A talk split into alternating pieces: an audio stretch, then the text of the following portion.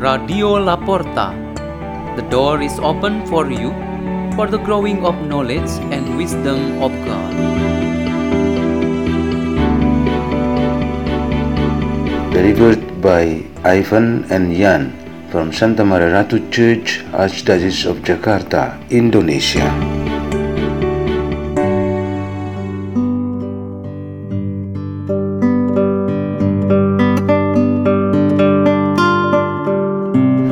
Reading and meditation on the Word of God on Saturday of the 33rd week in Ordinary Time, November 19, 2022.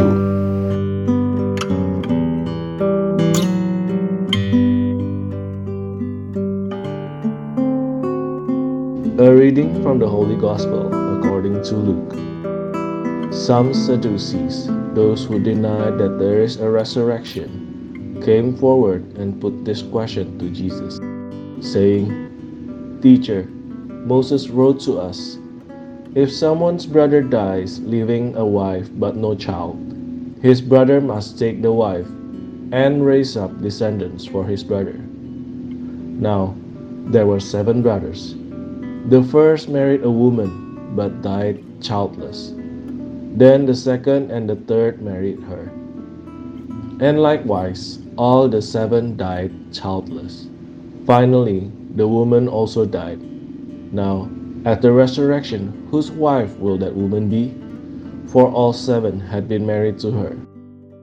Jesus said to them, The children of this age marry and remarry but those who are deemed worthy to attain to the coming age and to the resurrection of the dead neither marry nor are given in marriage. They can no longer die, for they are like angels, and they are the children of God, because they are the ones who will rise. That the dead will rise, even Moses made known in the passage about the bush, when he called, Lord, the God of Abraham, the God of Isaac, and the God of Jacob. And he is not God of the dead, but of the living. For to him all are alive. Some of the scribes said in reply, Teacher, you have answered well. And they no longer dared to ask him anything. The Gospel of the Lord.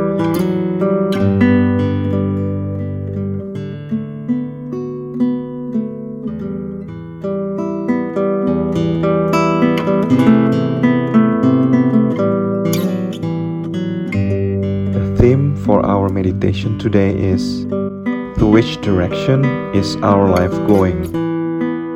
For those of us who believe in the Lord Jesus, this question will be easy for us to answer.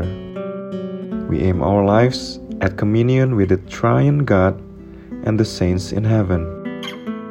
We enjoy life in this world, but our real destination is heaven. However, if this question to be addressed at the Sadducees and others of that kind, it would become a major problem for them. The main reason is that they do not believe in the existence of a bodily resurrection, nor in the existence of heaven. Because they do not see with their eyes, they do not believe. As they do not believe in heaven, automatically, angels and holy and glorious visions also don't exist in their understanding. They only believe that heaven is a reality of joy in the world.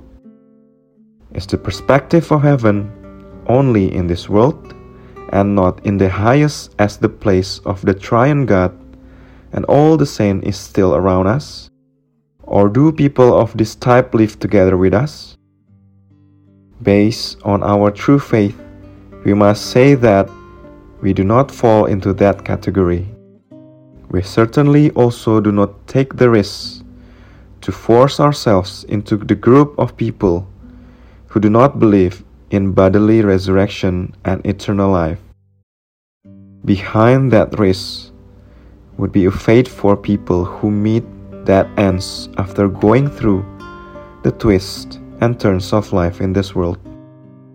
The end of all about this life is death and nothing else. If its ends is death, all to be focused in this world is only to enjoy life in this world in all ways and situations, because there's nothing else to enjoy after this world. Regarding marriage and family life, for example, the end of our life of men and women in this world is death. For us believers, a man and a woman, or husband and his wife after their deaths, they will be brothers and sisters in Christ. The spirits cannot marry, it is the bodies that marry. In this world, we are the children of God. We will be also spirits of the children of God in the resurrection of our bodies. Maybe we are curious about what the afterlife will be like. The only sure answer is from the Lord Jesus Christ, because only He has come back from the dead and spoken of that matter. So let's just listen and follow Him. All of that in His Word, and we try to make it concrete through our prayers and the spirit of our Christian life. Let's pray in the name of the Father, and of the Son, and of the Holy Spirit. Amen. God, the most merciful, strengthen our faith in bodily resurrection and eternal life, which we always long for and pray for. Glory to the Father, and to the Son, and to the Holy Spirit, as it was in the beginning, is now, and ever shall be, world without end. Amen. In the name of the Father, and of the Son, and of, of the Holy Spirit.